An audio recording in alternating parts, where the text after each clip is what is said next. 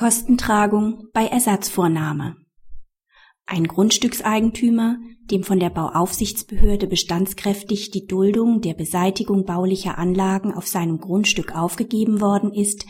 die ein Niesbraucher illegal errichtet hat, kann nicht mit den Kosten belastet werden, die bei der Durchführung der Ersatzvornahme anfallen die Klägerin räumte einem Dritten auf ihrem Grundstück das unentgeltliche und vollständige Niesbrauchsrecht auf Lebenszeit ein. Der Niesbraucher wurde von der beklagten Behörde aufgefordert, die von ihm bauordnungswidrig errichteten baulichen Anlagen zu beseitigen.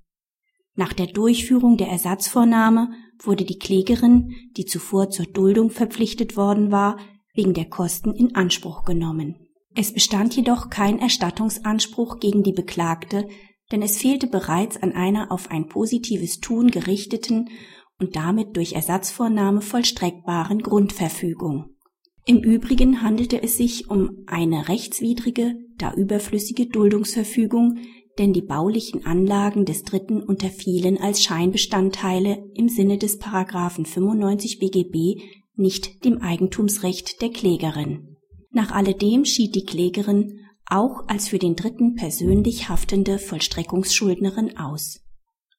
Praxishinweis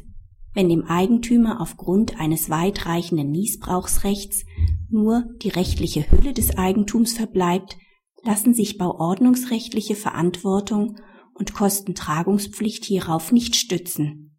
die jeweiligen Grundstückseigentümer müssen jedoch weiterhin gegen etwaige Handlungsverfügungen vorgehen, um zu verhindern, dass diese bestandskräftig werden